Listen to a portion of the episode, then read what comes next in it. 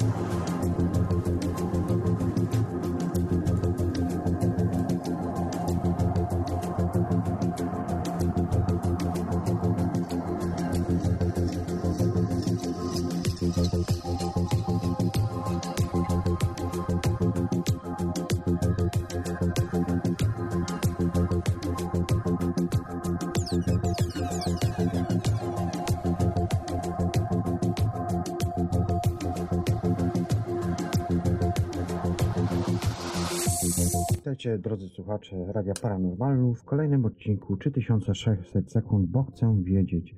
Zaczynamy od kolejnych informacji, które sobie tu przygotowałem.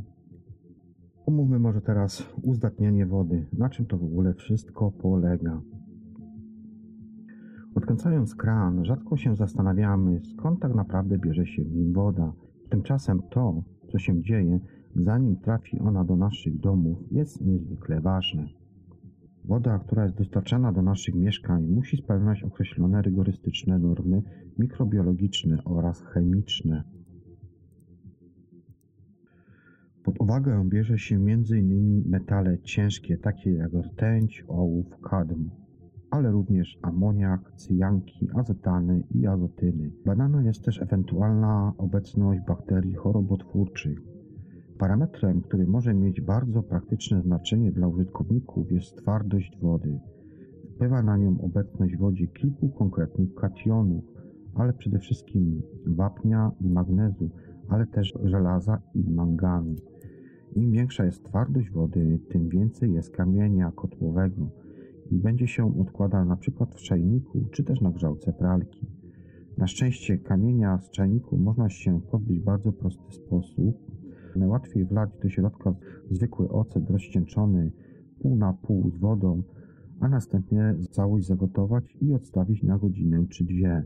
Ja jeszcze mogę Wam podać, że jest jeszcze inny sposób. Można sobie po prostu do czajnika wlać powiedzmy litr wody i zalać to kwaskiem cytrynowym. Polecam, świetna metoda, niesamowicie działa i na długo pozbywamy się kamienia.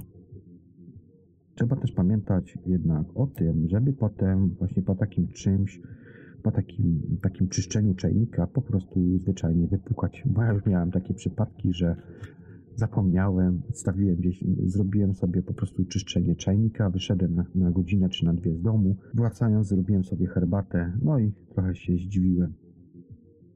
Można też oczywiście tutaj użyć soku z cytryny, choć ten sposób jest już droższy, no albo właśnie kwasek cytrynowy, o którym wcześniej wspomniałem. Ewentualnie jeszcze soda oczyszczona.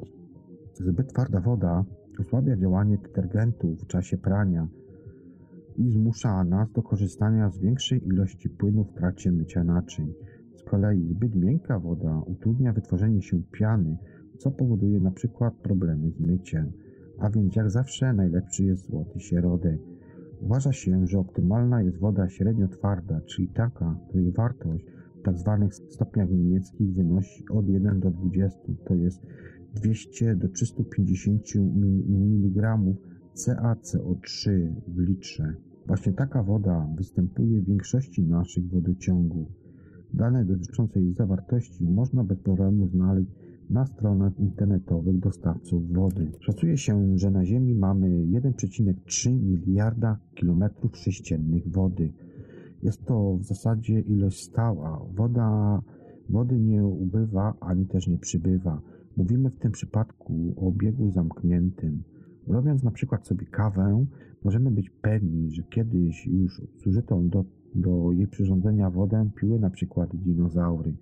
Warto też pamiętać, że woda słodka stanowi zaledwie 2,5% całkowitych zasobów Ziemi. Reszta jest to woda słona znajdująca się zasadniczo w oceanach. Jeśli chodzi o wodę słodką, to niemal 70% z niej zawierają lodowce oraz pokrywa lodowa. Z danych tych wynika więc, że dostępnej bez problemu wody słodkiej jest na Ziemi stosunkowo niewiele, a więc musimy nią gospodarować oszczędnie. Dawno temu ludzie bez specjalnych problemów korzystali z dostępnych źródeł wody pitnej, takich jak rzeki, strumienie, a nawet jeziora. Sam pamiętam, jak na początku lat 70., żeglując po Mazurach, nabieraliśmy na przykład czerpakiem wody z zaburty, aby ugasić pragnienie. Dziś raczej bym się już na to nie odważył. Określenie czysta woda zależy od tego, do jakiego celu będzie ona używana. Zupełnie inne parametry charakteryzują bowiem wodę pitną, czyli taką, którą możemy spożywać bezpośrednio, a inne wodę do produkcji np. leków. Jeszcze inaczej wyglądają dopuszczalne zanieczyszczenia w wodzie, której możemy używać np. do mycia, ale nie powinniśmy jej np. pić. Często możemy właśnie spotkać takie tabliczki. Woda niezdatna do picia. Wbrew pozorom, najlepszą wodą nie jest ta, która składa się tylko z H2O jako woda destylowana. Picie jej przez dłuższy czas mogłoby mieć zdecydowanie negatywny skutek dla naszego zdrowia.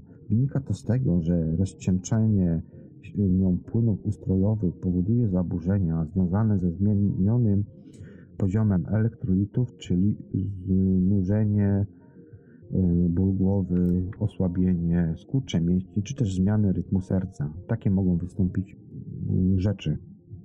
Zresztą, jeżeli będziemy pili oczywiście tą wodę przez dłuższy okres. Zresztą każdy, kto próbował pić kawę lub herbatę zrobioną na wodzie destylowanej, wie doskonale, że niezbyt dobrze ona smakuje. Czy ja wiem, ja piję taką wodę i absolutnie mi nie śmierdzi, że tak powiem, i ma bardzo dobry smak. No ale ludzie, to są badania, badania, więc na podstawie tych badań wszystkich mówię. Woda pitna musi zawierać określoną ilość soli mineralnej. Nie może ich ich być ani za mało, ani za dużo. Oczywiste jest też, że nie może też zawierać drobnoustrojów chorobotwórczych, ani też zanieczyszczeń nieorganicznych oraz organicznych. Na czym polega proces uzdatniania wody? Swoją podróż do kranu woda rozpoczyna w miejscu, które nazywa się ujęciem. Konstrukcja ujęcia zależy od tego, czy wodę czerpiemy ze źródeł powierzchniowych, to jest rzek oraz innych zbiorników, czy podziemnych, np. studni głębinowych. Warszawa dysponuje trzema ujęciami wody, z których najbardziej znana jest tak zwana Gruba Kaśka, posadowiona w nurcie Wisły, natomiast krakowska woda pochodzi z czterech ujęć powierzchniowych, to jest rzeki Sanka, Dubnia i Rudawa oraz zbiorniki w Dobrzycach. Polecam Wam się tam wybrać. Niesamowite konstrukcje. Aglomeracja poznańska użytkuje aż 18 ujęć wody, przy czym głównie znajduje się Główne te ujęcie wody znajduje się w pobliżu Warty na osiedlu Dębina. Z kolei Gdańsk korzysta przede wszystkim z wód podziemnych. Jest to, tam znajduje się 8 ujęć oraz kilkunastu innych, w tym dwóch rezerwowych. Woda dla mieszkańców Łodzi dostarczana jest głównie ze studni głębinowych. 33, z czego 20 ma wodę tak dobrą, że nie wymaga dalszego oczyszczania oraz kilku ujęć na rzece Pilicy i w okolicy Zalewu Sulejowskiego. Praktycznie zawsze wody powierzchniowe są bardziej zanieczyszczone niż głębinowe, a więc wymagają one wstępnej obróbki. Najczęściej poddawane są one infiltracji, czyli dostarczane, y, dostarczane do specjalnych stawów, gdzie woda grawitacyjnie przesiąka przez warstwy piasku oraz iłu w głąb, skąd mm, system pomp dostarcza je do stacji uzdatniania, gdzie odbywa się jej właściwa obróbka. Pierwszym etapem jest napowierzchnianie. Woda z dociera do komory reakcji, gdzie zostaje ona nasycona powietrzem. W efekcie następuje częściowe utlenienie zanieczyszczeń. Niektóre z nich się zlepiają. Następnie woda trafia do tzw. Tak filtrów pośpiesznych, gdzie zostaje ona przesączona przez złoże antracytowo-piaskowe. Jest to typowa filtracja mechaniczna, grawitacyjna i następuje ona pod ciśnieniem słupa wody przez mieszaninę drobnego antracytu oraz piasku. Usuwałem na tym etapie większość zanieczyszczeń mechanicznych. Kolejne jest ozonowanie. Polega ono na potraktowaniu wody silnie utleniającym azotem O3, który niszczy większość drobnoustrojów, usuwa żelazo, mangan oraz amoniak. Pozwala to na ograniczenie ilości chloru wykorzystywanego w dalszej dezynfekcji wody. Chlorowanie wody. W połowie XIX wieku mm, angielski lekarz John Snow powiązał e, epidemię cholery z zanieczyszczeniem jednej z pomp, w której to okoliczni mieszkańcy czerpali wodę. Władze wyłączyły ją z użytku, demontując uchwyt pompujący, co zapobiegło dalszemu rozwojowi epidemii. Pod koniec XIX wieku, gdy już znane były zarazki chorobotwórcze, podjęto w USA pierwsze próby użycia chloru do dezynfekcji, ale ciągle, ciągłe chlorowanie zaczęto robić dopiero w XX wieku w Belgii. Pierwotnie używano chloru gazowego, lecz ze względu na niebezpieczeństwo przydawkowania i trudność obsługi butli gazowych zarzucono tę metodę. Gazowy chlor został zastąpiony pochlorynem sodu, skrót jego to NaOCi. Dzisiejsza nazwa to jest chloran i sodu, a dziś prawie wszędzie stosuje się dwutlenek chloru CiO2. Związek ten bardzo skutecznie niszczy grzyby, wirusy oraz bakterie chorobotwórcze, w tym trudne do likwidacji bakterie z rodzaju Legionella. Warto też wiedzieć, że chlorowanie wody ma też pewne wady. Chlor reaguje ze związkami organicznymi, obecnymi zawsze w wodzie, dając związki takie jak pochodne trójhalometanu THM, w tym chloroform, czy też chlorowane fenole. Są one potencjalnie niebezpieczne, dlatego też niezbędny jest stały monitoring ich poziomu w wodzie pitnej. Kontynuujmy zatem y, proces uzatniania wody. Po ozonowaniu woda przechodzi przez kolejne filtry, tym razem węglowy, i trafia ona do ostatniego etapu obróbki chemicznej, czyli do chlorowania, o którym wcześniej wspomniałem. Niestety nie da się w prosty sposób uniknąć chlorowania wody. Dostosowanie do dezynfekcji samego ozonu nie jest możliwe, ponieważ w przeciwieństwie do chloru nie chroni on wody przed wtórnym skażeniem podczas przesyłania, tej, podczas przesyłania jej wodociągami do naszych domów. Chlorowana woda w naszych domach nadaje się do spożycia, ale na przykład akwaryści hodujący delikatniejsze rybki zwykle nalewają ją do jakichś pojemników i oczekują na przykład kilka dni, aby cały chlor się z niej ulotnił. Podobnie robią ludzie uprawiający wrażliwe rośliny. Biomonitoring, czyli o pożytecznych małżach. Woda dostarczana do naszych domów musi też być bezpieczna. Oczywiście jest ona na bieżąco analizowana w laboratoriach dostawców, ale od jakiegoś, od jakiegoś czasu stosuje się bardziej ciekawsze systemy wczesnego ostrzegania. Od dawna wiadomo, że istnieją organizmy żywnie bardzo czułe na złą jakość wody. W zanieczyszczonych zbiornikach trudno znaleźć takie gatunki jak pałka szerokolistna czy mek zdrojek. Czystą wodę lubią też raki, ale także małże. Właśnie te ostatnie są wykorzystywane w wielu stacjach uzatniania wody jako naturalne bioindykatory. Najczęściej taką funkcję pełnią żuja jej nazwa to oryginalna anodonta, ale, al, albo na przykład kujka zaoszczona. Jej nazwa oryginalna to Unio tumidus. Jeśli woda jest czysta, muszla małży jest rozchylona, a mięczak pobiera wodę za pomocą syfonu. Gdy w wodzie pojawia się zanieczyszczenie, muszla szybko się zamyka, sygnalizując problem z jakością. W praktyce odbywa się to w taki sposób, że umieszczone w zbiorniku przepływowym małże są przytwierdzone do jego dna lub też ścianki jedną połową muszli na stałe, a do drugiej przyczepiony jest magnes połączony z czujnikiem, który to przekazuje sygnały do komputera. Gwałtowny ruch tej części muszli powoduje uruchomienie alarmu w stacji uzdatniania. Oczywiście w systemie nie pracuje jeden mięcza. W Poznaniu na przykład jest ich na przykład 8 oraz komputer analizuje oraz uśrednia sygnały od wszystkich właśnie tych osobników. aby wyeliminować fałszywe alarmy spowodowane np. problemami jednego z osobników. Małże pozyskiwane są ze środowiska naturalnego i zanim trafią na swoje miejsce pracy, dwa tygodnie spędzają w specjalnym zbiorniku. Ich posługa trwa dwa miesiące, po czym są uwalniane do jednego ze zbiorników naturalnych w okolicach Poznania, a na ich miejsce trafiają kolejne. Pamiętajmy więc, że powinniśmy być wdzięczni tym małżom za to, że możemy bezpiecznie pić wodę. Jak można uzdatniać wodę w domu? W miastach zazwyczaj mamy do czynienia z wodą dobrej jakości. Niektórzy jednak są dość czulni nawet na niewielkie zanieczyszczenia, np. chlorem. Jeśli więc woda niespecjalnie nam smakuje, albo np. parząc herbatę zauważymy, że na ściankach tworzy się osad, można rozważyć kupno prostego filtru bankowego, przykład Brity, które mają specjalne węglowe filtry. Ja Wam również tu polecić mogę jeszcze destylarkę. Dostępna oczywiście na internecie, na YouTubie można kupić już za 200 parę złotych. Jest to świetne urządzenie, bardzo, bardzo czyści wodę z tych ciężkich wszystkich metali, o których wcześniej Wam wspomniałem. Woda wlewana do niego sączy się przez złoże składający się głównie z węgla aktywowanego, tzw. Tak filtrów. Pozwala to na usunięcie niektórych zanieczyszczeń, takich jak wolny chlor, czy cała gama związków organicznych. Niektóre filtry zawierają także srebro albo stop miedzi z cynkiem. Dodatek ten działa bakteriobójczo i bakteriostatycznie. Inaczej też wygląda sytuacja w przypadku domu jednorodzinnego zasilanego przez własną pompę głębinową. W takiej też sytuacji warto pomyśleć o jakimś poważniejszym systemie udatniania. Zazwyczaj głównym problemem są zbyt duży poziom żelaza i manganu oraz wysoka twardość wody. Najbardziej efektywnym sposobem poradzenia sobie z tymi wszystkimi kłopotami są systemy wykorzystujące odwróconą osmozę wraz z mineralizacją.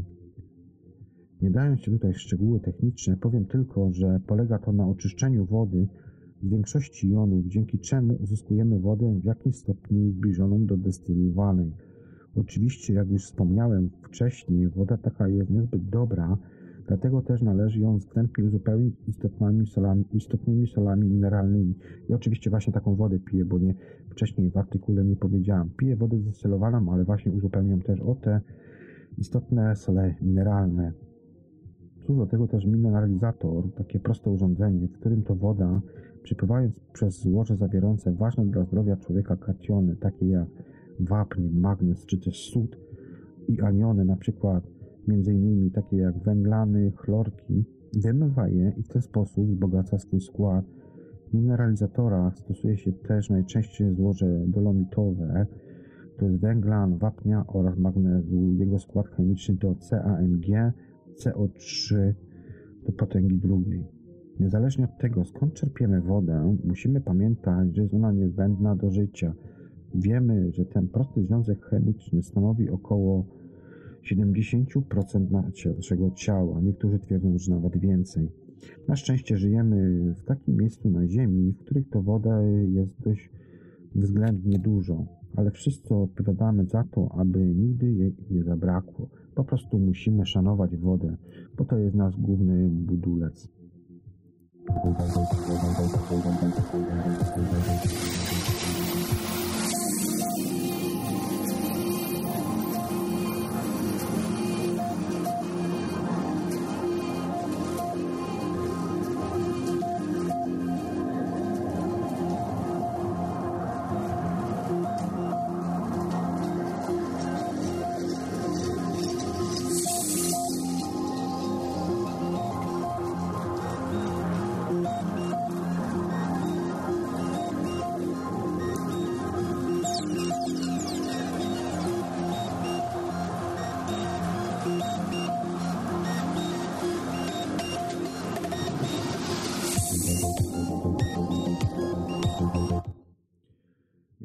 Znaleźć złoże. Chodzi mi tutaj głównie o minerały, kamienie i tego typu rzeczy. Zapotrzebowanie gospodarki światowej na różne metale, takie jak np. miedź, cynk, ołów, platyna czy paladyn, ciągle wzrasta, a ponieważ zasoby obecnie eksploatowanych złóż się zmniejszają, trzeba szukać nowych, podwyższonych nagromadzeń minerałów metalośnych, korupy ziemskiej, których to eksploatacja byłaby korzystna ekonomicznie. Bo nie chodzi przecież o to, żeby mm, wydobyć i rozpierniczyć wszystko, tylko chodzi o to, żeby w jakiś sposób się to regenerowało i dostarczało nam w kolejnych latach nowych zasobów. Pojawia się też pytanie, jak szukać czegoś, czego nie widać, co najczęściej znajduje się stosunkowo głęboko pod powierzchnią Ziemi. W takich przypadkach wstępne ustalenia można oprzeć na analizie składu chemicznego gleby oraz wody. Dające się do eksploatacji minerały metalonośne przeważnie składają się ze związków chemicznych metalu lub też kilku metali z siarką. Powstają one w wyniku wytrącania się podgrzanych wód pochodzenia magmowego, to są pochodzenia hydrotermalnych. Ponieważ nie są one przyzwyczajone do warunków panujących na powierzchni Ziemi, to jest takich warunków jak temperatura, ciśnienie, obecności wody czy też tlenu, szybko przekształcają się tzw. Tak minerały wietrzeniowe. Głównym procesem prowadzącym do ich przemiany jest wietrzenie chemiczne. Wytrącone minerały często mają charakterystyczne barwy, nadane im poprzez dominujący w ich składzie metal, pożądany dla naszych gospodarek. Przykładem może być też halkopiryt lub też halkozyn. Te pierwotne minerały miedzionośne szybko przekształcają się na powierzchni Ziemi, charakterystycznie zabarwione niebiesk- na niebiesko to jest azuryt lub też na zielono to jest malachit, minerały wietrzeniowe.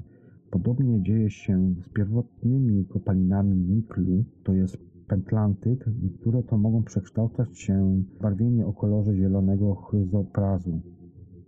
Tak naprawdę współczesna gospodarka nie istnieje bez surowców mineralnych. Znalezienie takiego właśnie odpowiedniego złoża staje się jednak coraz to bardziej trudniejsze ze względu na wyczerpywanie się tych zasobów łatwo dostępnych. Dlatego też musimy nauczyć się korzystać y, w tym względzie z podpowiedzi, która podsuwa nam przyroda. Procesem prowadzącym do powstawania barwnych minerałów wspólnych, tak cenionych przez kolekcjonerów, jak i jubilerów ze względu na ich nieziemską urodę, towarzyszy uwalnianie się do środowiska przyrodniczego, w tym do gleb, różnych metali, np. miedzi, cynku czy ołowiu. Często są one wiązane przez materię organiczną wchodzącą w skład próchnicy.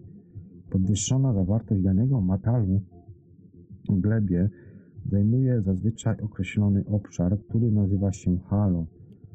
Wyznaczenie w terenie tego typu halo z nadzwyczajną dużą zawartością w glebie poszukiwanego materiału może być bezpośrednią przesłanką do stwierdzenia, że natrafiliśmy na nadające się do eksploatacji złoże. Aby dokonać, wykonać taką analizę chemiczną, chemiczne, chemiczne analizy jakościowe, rodzaj takiego pierwiastka oraz ilości, to jest jej, zawartości w tej glebie, należy pobrać wyznaczony do badania terminie próbkę gleby, np. próchnicę, tak to się nazywa, i w laboratorium wydzieli z niej ziarna o średnicy na przykład poniżej 0,063 mm, ponieważ to one charakteryzują się największymi właściwościami sorpcyjnymi.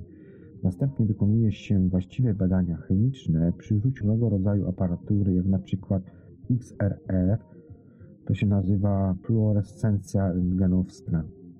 Innym źródłem informacji może być woda. Pod jej wpływem dochodzi do niszczenia jednych minerałów i powstawania innych. Podczas tego procesu geologicznego iony metalni gromadzą się w wodzie, wskutek czego może ona przybrać różne formy. Przykładem tego typu procesów w Polsce są na przykład kolorowe jeziorka w Rudawach Janowskich, w Sudetach Zachodnich w okolicy miejscowości Wieś Ciszowice. Byłem tam, więc widziałem, widziałem te jeziorka. Piękne Jeziorka wypełniają dawne wyrobiska górnicze, z, gór, z których to eksploatowany piryd nadaje się do produkcji kwasu ziarkowego. Obecnie jedno z nich ma kolor czerwonawy, pochodzący od żelaza uwolnionego w trakcie wieczenia pirytu. Natomiast drugie jeziorko jest koloru niebieskiego, lecz jego barwa najprawdopodobniej nie pochodzi od związków chemicznych. Oczywiście, aby ten efekt widzieć, łatwiej to wszystko widać z kosmosu. Istotnie przemysłowego punktu widzenia minerały też mogą być ważną przesłanką do występ o występowaniu w danym miejscu złożowym nagromadzeń odpowiednich metali. Tak się dzieje, gdy na przykład wszystko powstaje w jednym akcie złożotwórczym. Pomocą geologom przychodzi wtedy teledetekcja polegająca na analizie promieniowania elektromagnetycznego. Jej źródłem jest Słońce. Gdy odbije się od powierzchni Ziemi, dociera ona do satelity. Oczywiście część zostaje pochłonięta przez minerały, a ponieważ każdy z nich absorbuje promieniowanie o określonej długości fali, cecha ta może posłużyć do diagnostyki złoża. Przykładem pomocnego tu instrumentu jest Advanced Spaceborne Thermal Emission and Reflection Radiomery. W skrócie jest to nazwa, nazywa się ASTER. Jest on zainstalowany na satelicie Terra, który jest on umieszczony na orbicie okołoziemskiej. Wysłany został tam w grudniu 1999 roku. Obserwacje satelitarne polegają również na analizie powierzchni Ziemi pod kątem występowania charakterystycznych struktur geologicznych, np. uskoków lub fałdów, które są powiązane z intruzjami magmowymi, które to powstają z zastygniętej magmy w głębi skorupy ziemskiej, będącej źródłem mineralizacji krusztowej. Pomagają też namierzyć obszary, których charakterystyczna rdzawa barwa powstaje w wyniku tleniania i wodnienia pirytu.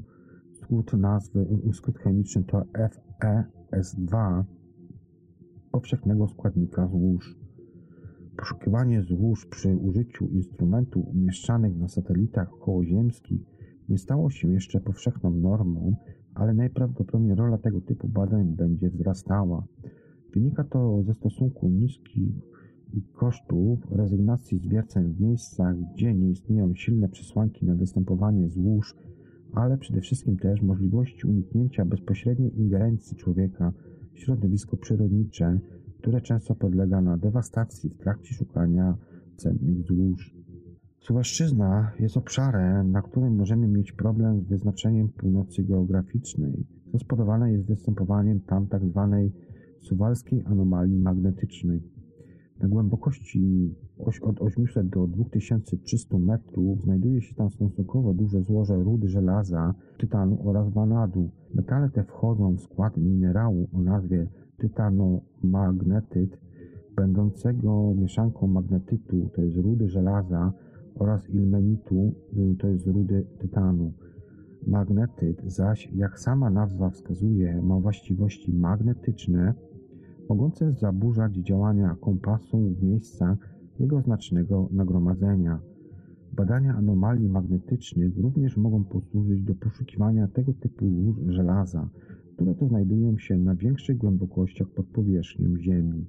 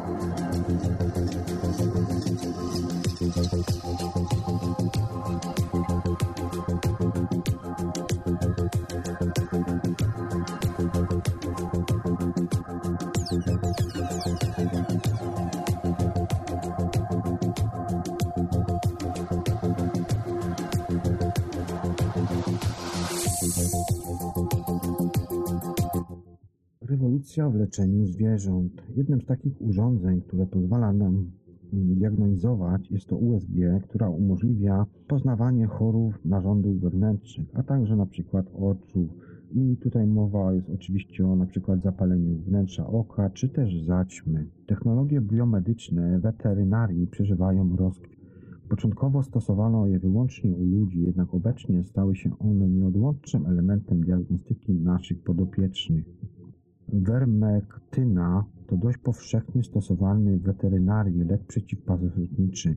Niestety niektóre rasy psów, głównie pasterskich, m.in. takie jak owczarki szkockie, australijskie, niemieckie, szetlandzkie i border collie, cierpią na nietolerancję tej substancji. Szacuje się, że dotyczy ona od 50 do 70% przedstawicieli tych ras. Powtórzę jeszcze raz, nazwę jest to wermektyna.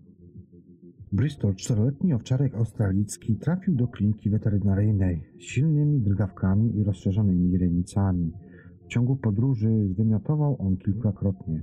Na miejscu został natychmiast zaimputowany, a jego mózg poddano skanowaniu rezonansem magnetycznym. Całą godzinę później wcześniej brał on udział w bardzo popularnych wśród tej rasy szkoleniach z umiejętności pasterskich, na których to psy uczy się zaganiania owiec. To właśnie odchody jednej z nich postanowił skonsumować Bristol. Okazało się, że owce kilka dni wcześniej zostały odrobaczone preparatem zawierającym inwermektynę. Rekonwalescencja zajęła psu dosłownie miesiąc. Dopiero po tym czasie mógł znowu samodzielnie się poruszać, jeść oraz pić. Za nietolerancją inwermektyny stoi mutacja z genu MDR1, którego prawidłowy białowy produkt odpowiada za zatrzymywanie leków i substancji toksycznych w odrębie naczyń krwionośnych. Skutek mutacji następuje utrata funkcji białka i przydostawanie się substancji leczniczych do mózgu przez co dochodzi do szeregu objawów neurologicznych, to jest takich objawów jak drgawki, zawroty głowy oraz wymioty. Dlatego rutynowo powinno się prowadzić u psów rach pasterskich badania DNA. Sekwencjonowanie nowej generacji pozwala literka po literce odczytać jego kod DNA. Gdy kolejność tych liter, to jest nukleodytów budujących nić DNA, zostaje zamieniona, mówimy wtedy o mutacji. Na szczęście każdy psiak ma dwie krople genu MDR1. Gdy tylko jedna z nich jest uszkodzona, zwierzę jest nosicielem choroby i nie pojawia się u niego objaw nietolerancji. Znajomość formy MDR1 pozwala właścicielom zapewnić odpowiednią opiekę zwierzęciu, a lekarzowi weterynarii prowadzi odpowiednią metodę leczenia. Należy pamiętać, że mutacja MDR1 powoduje nietolerancję także innych substancji, m.in. cyklosporyny oraz deksametazonu. Materiałem do badań jest próbka krwi lub też wymaz policzkowy. Wynik uzyskuje się po 3-4 dniach. Badając psie DNA możemy zdiagnozować też inne choroby o podłożu genetycznym. O rezonansie magnetycznym Technika obrazowania narządów ludzkiego ciała wykorzystywana jest w medycynie od ponad 20 lat.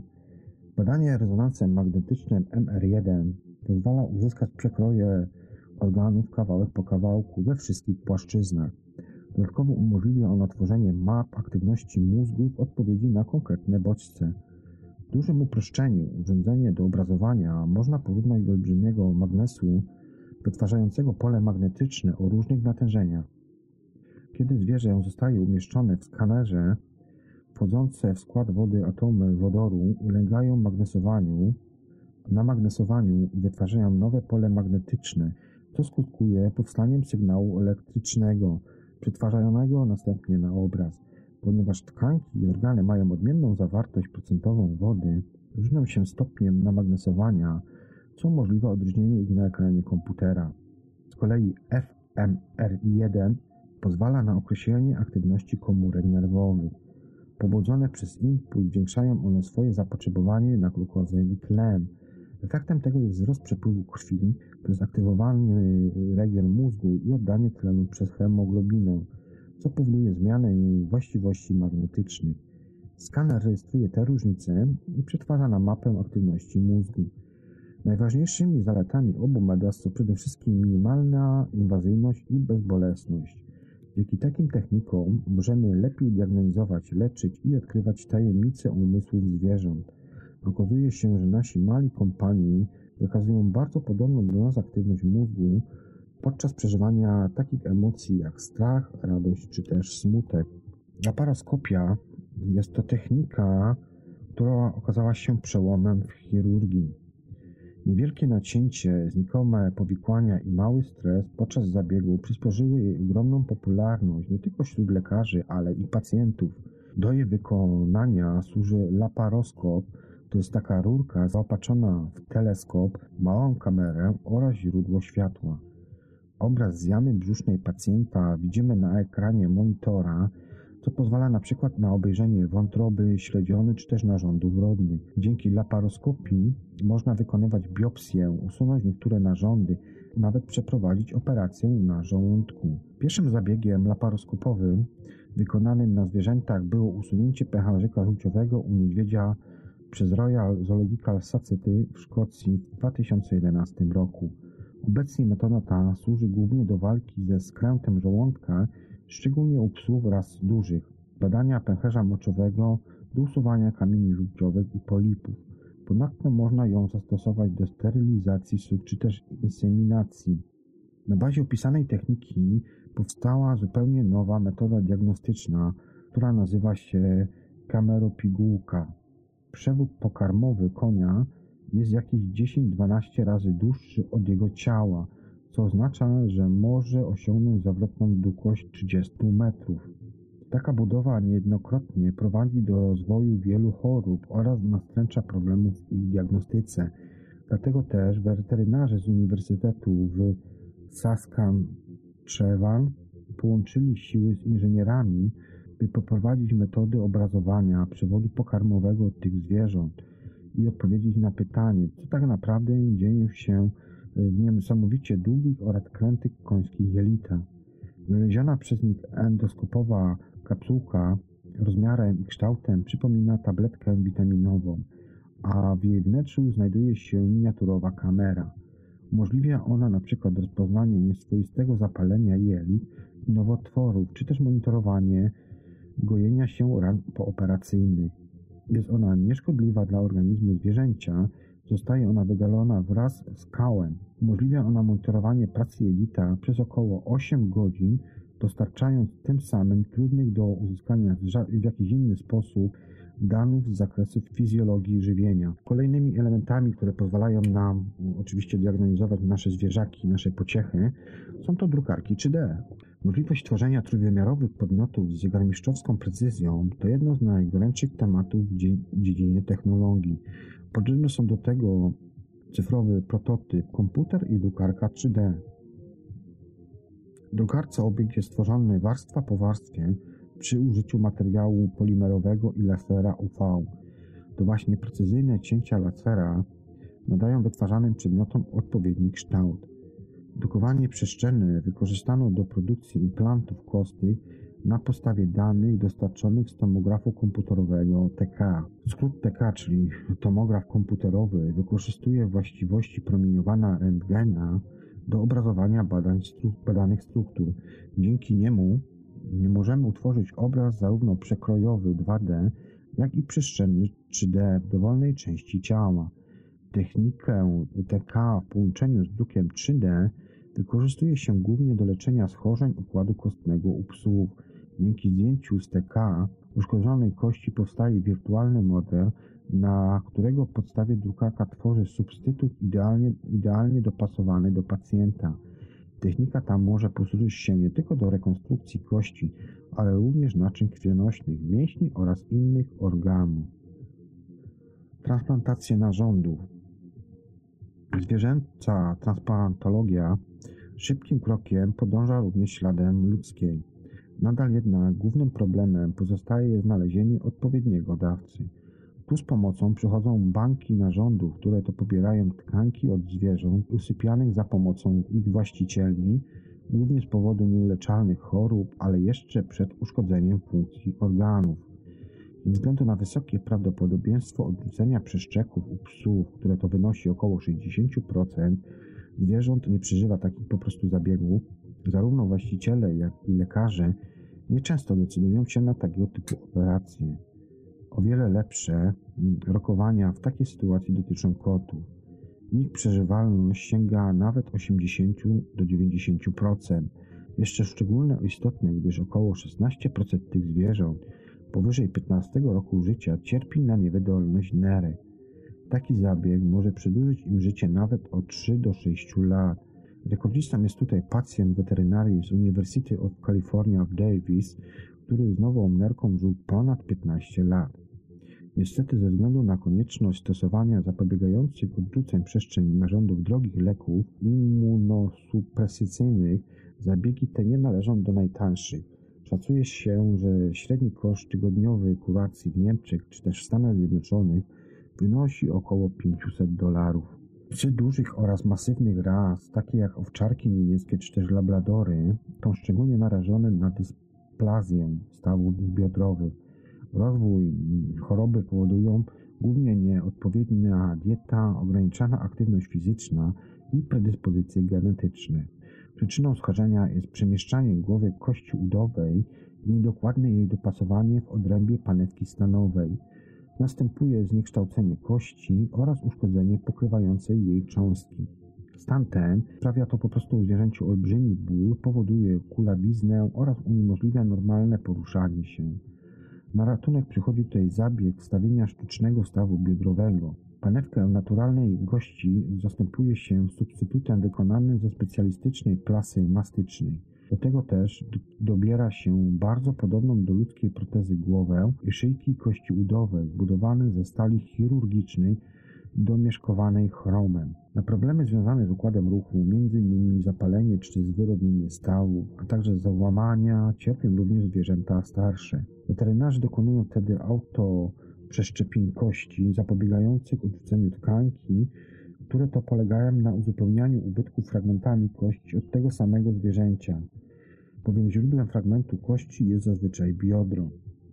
Wraz z wiekiem i chorobami obserwuje się nasilenie problemów związanych ze wzrokiem. Starsze psy brachycefalicznych, np. mopsy, ichasa, apso, shih, tzu i pekińczycy, chorują na zapalenie rogówki. Charakteryzuje się ono obecnością guzków na rogówce i zmianą jej pigmentacji na kolor brązowy. Długotrwały stan zapalny może prowadzić do utraty wzroku i konieczności chirurgicznego usunięcia rogówki. Podobnie koty zainfekowane wirusem herpes mogą cierpieć na problemy z rogówką powodujące finalnie jej obumarcie. Przeszczep rogówki uniemożliwia zastąpienie zmniejszonej chorobowo tkanki nową, a sam proces leczenia oraz gojenia rany wynosi około 6 tygodni. Po tym okresie zwierzęta uzyskują jakość i komfort widzenia. Dawcami są oczywiście zwierzęta, usypia, zwierzęta usypiane przyczyn zdrowotnych, czyli jakichś chorób i tego typu rzeczy. Jeszcze inną metodą jest również tutaj wykorzystywana metoda komórek macierzystych. W przeciwieństwie do ludzi, stosowanie takich komórek nie wiąże się z tak dużymi problemami i obeszczeniami natury prawnej, czy też kwestiami etycznymi. Używa się tzw. Tak komórek macierzystych dojrzałych tkanek. Nazwa ich dokładna to mezenchymalnych komórek macierzystych, które przez całe nasze życie rezydują w tkankach takich jak mięśnie, szpik kostny oraz tłuszcz. Ze względu na łatwą dostępność najczęściej również obfituje i brak konieczności znieczulania ogólnego. To właśnie tkanka tłuszczowa stała się głównym źródłem, z którego to izoluje się te komórki. Po izolacji są one hodowane in vitro do odpowiedniej ilości, a na końcu w formie zaszczyku trafiają do pacjenta. Resztę komórek przechowuje się w ciepłym azocie na wypadek kolejnej terapii. Do ich niepowtarzalnych właściwości należą m.in. różnicowanie się komórki chrząstki oraz kości. Palenia, złamania kości, uszkodzenia mięśni, ścięgien oraz związane u psów, kotów czy też koni. Wszystkie te schorzenia z powodzeniem można leczyć komórkami macierzystymi. Wystarczy niewielkie napięcie, kilka gramów tłuszczu, a następnie hodowla komórek w odpowiednich warunkach i, i terapeutyczny zastrzyk naprawiają uszkodzone organy. Czyszczenie je idealne? Niestety komórki użyte w terapii muszą pochodzić od tego samego osobnika, któremu zostaną podane. I tu pojawia się problem, bo okazuje się, że ten typ komórek starzeje się razem z nami. Wraz z wiekiem, ale też chorobą, ich supermoc słabnie, a więc również właściwości terapeutyczne i regeneracyjne. Problemem tym postanowili zmierzyć się polscy naukowcy. Syndrom metaboliczny u koni, nazwa jego to EMS, to narastający problem w medycynie weterynaryjnej, a wynika to głównie z nieprawidłowej wysokowęglowodanowej diety oraz silnego stresu. Szacuje się, że 45% koni jest otyłych, co w połączeniu z ograniczoną aktywnością fizyczną może powodować wystąpienie EMS. Naukowcy wykazali, że komórki macierzyste wyizolowane z tkanek tłuszczowych tych zwierząt mają szereg niedoskonałości, co znacznie ogranicza ich użyteczność w leczeniu tego schorzenia. Nadmierna akumulacja wolnych rodników czy uszkodzone mitochondria powodują, że komórki macierzyste od koni z EMS słabiej różnicują się w inne typy komórek. Udało się jednak odmłodzić je in vitro. W takim odmładzającym koktajlu znajduje się substancja o silnym charakterze przeciwutleniającym. To jest substancja, która ogranicza szkodliwy wpływ wolnych rodników i wpływająca na zmianę ekspresji genów. Elektryczna neuromodulacja, w zwana ESS, ciężka nazwa, Heat Shanking Syndrome, najprościej mówiąc kiwanie, potrząsanie głową, jest coraz częściej diagnozowanym problemem, co doprowadza jeszcze do rozpaszy. Szacuje się, że na HSS cierpi od 10 do 20 tysięcy koni w Wielkiej Brytanii.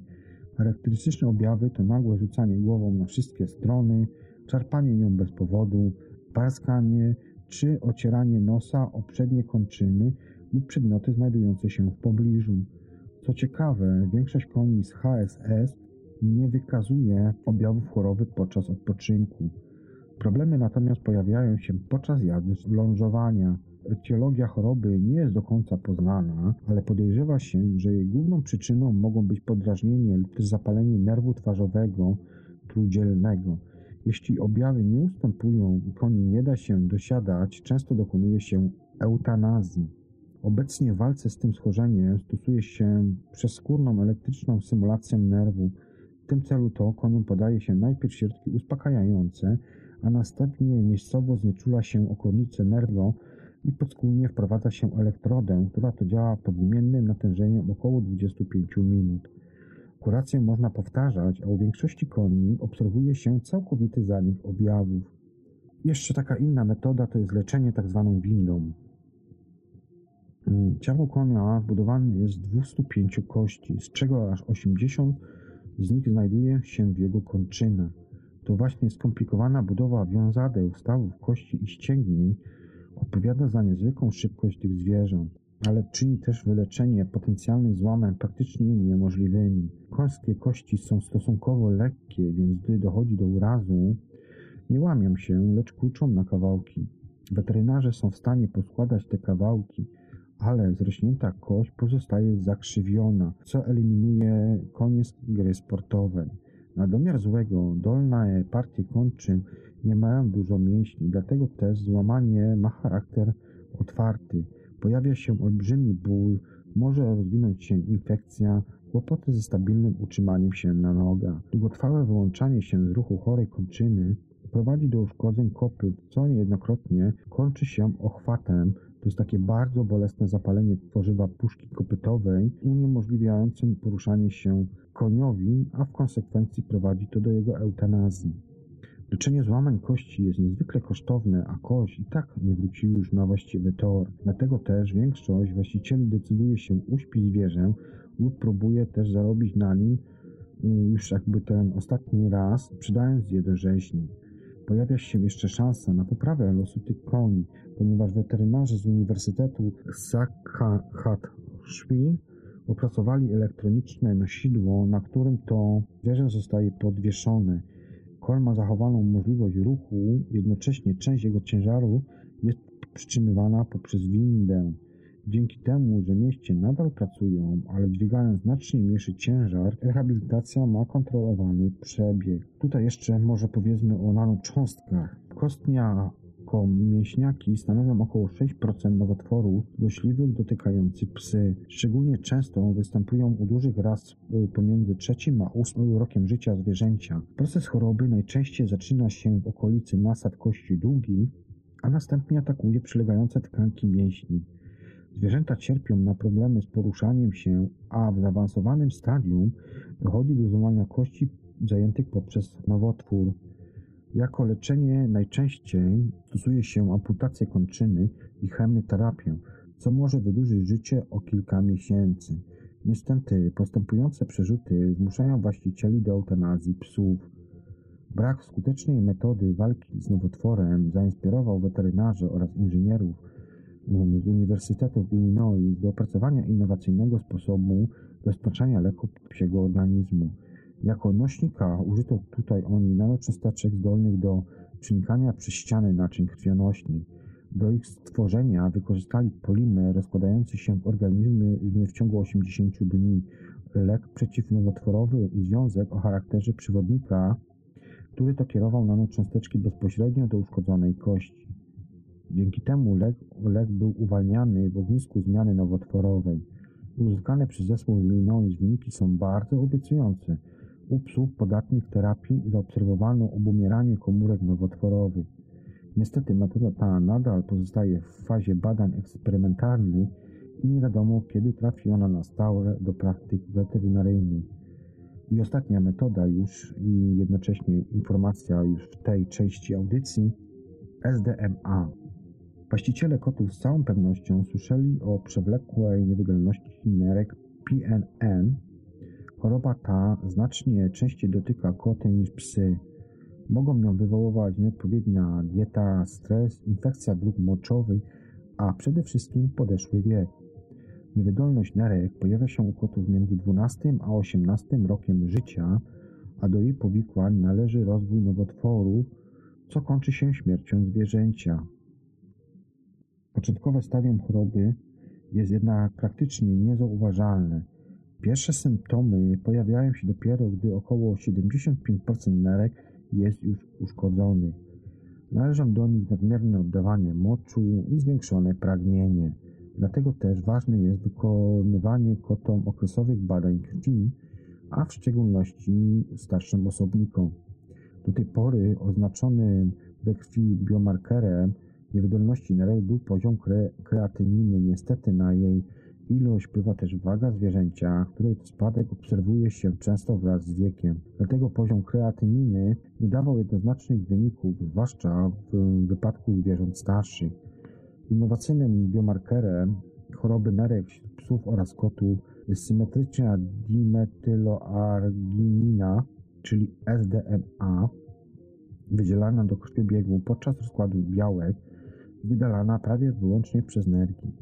Przede wszystkim pozwala ona na szybką i precyzyjną diagnozę.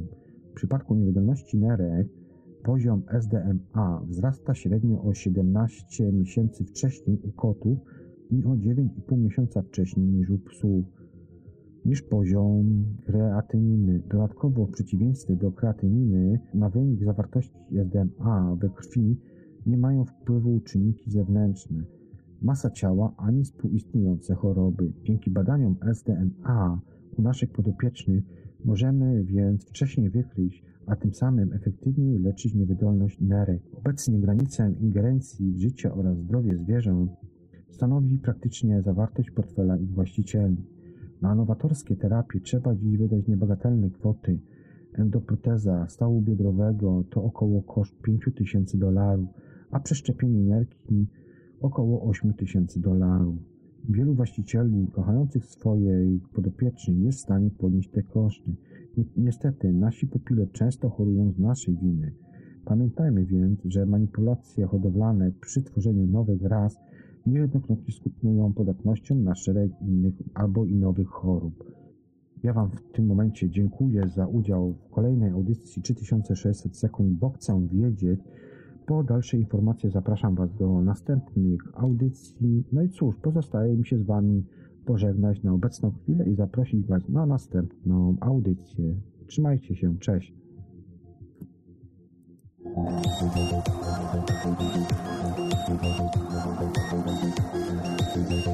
you.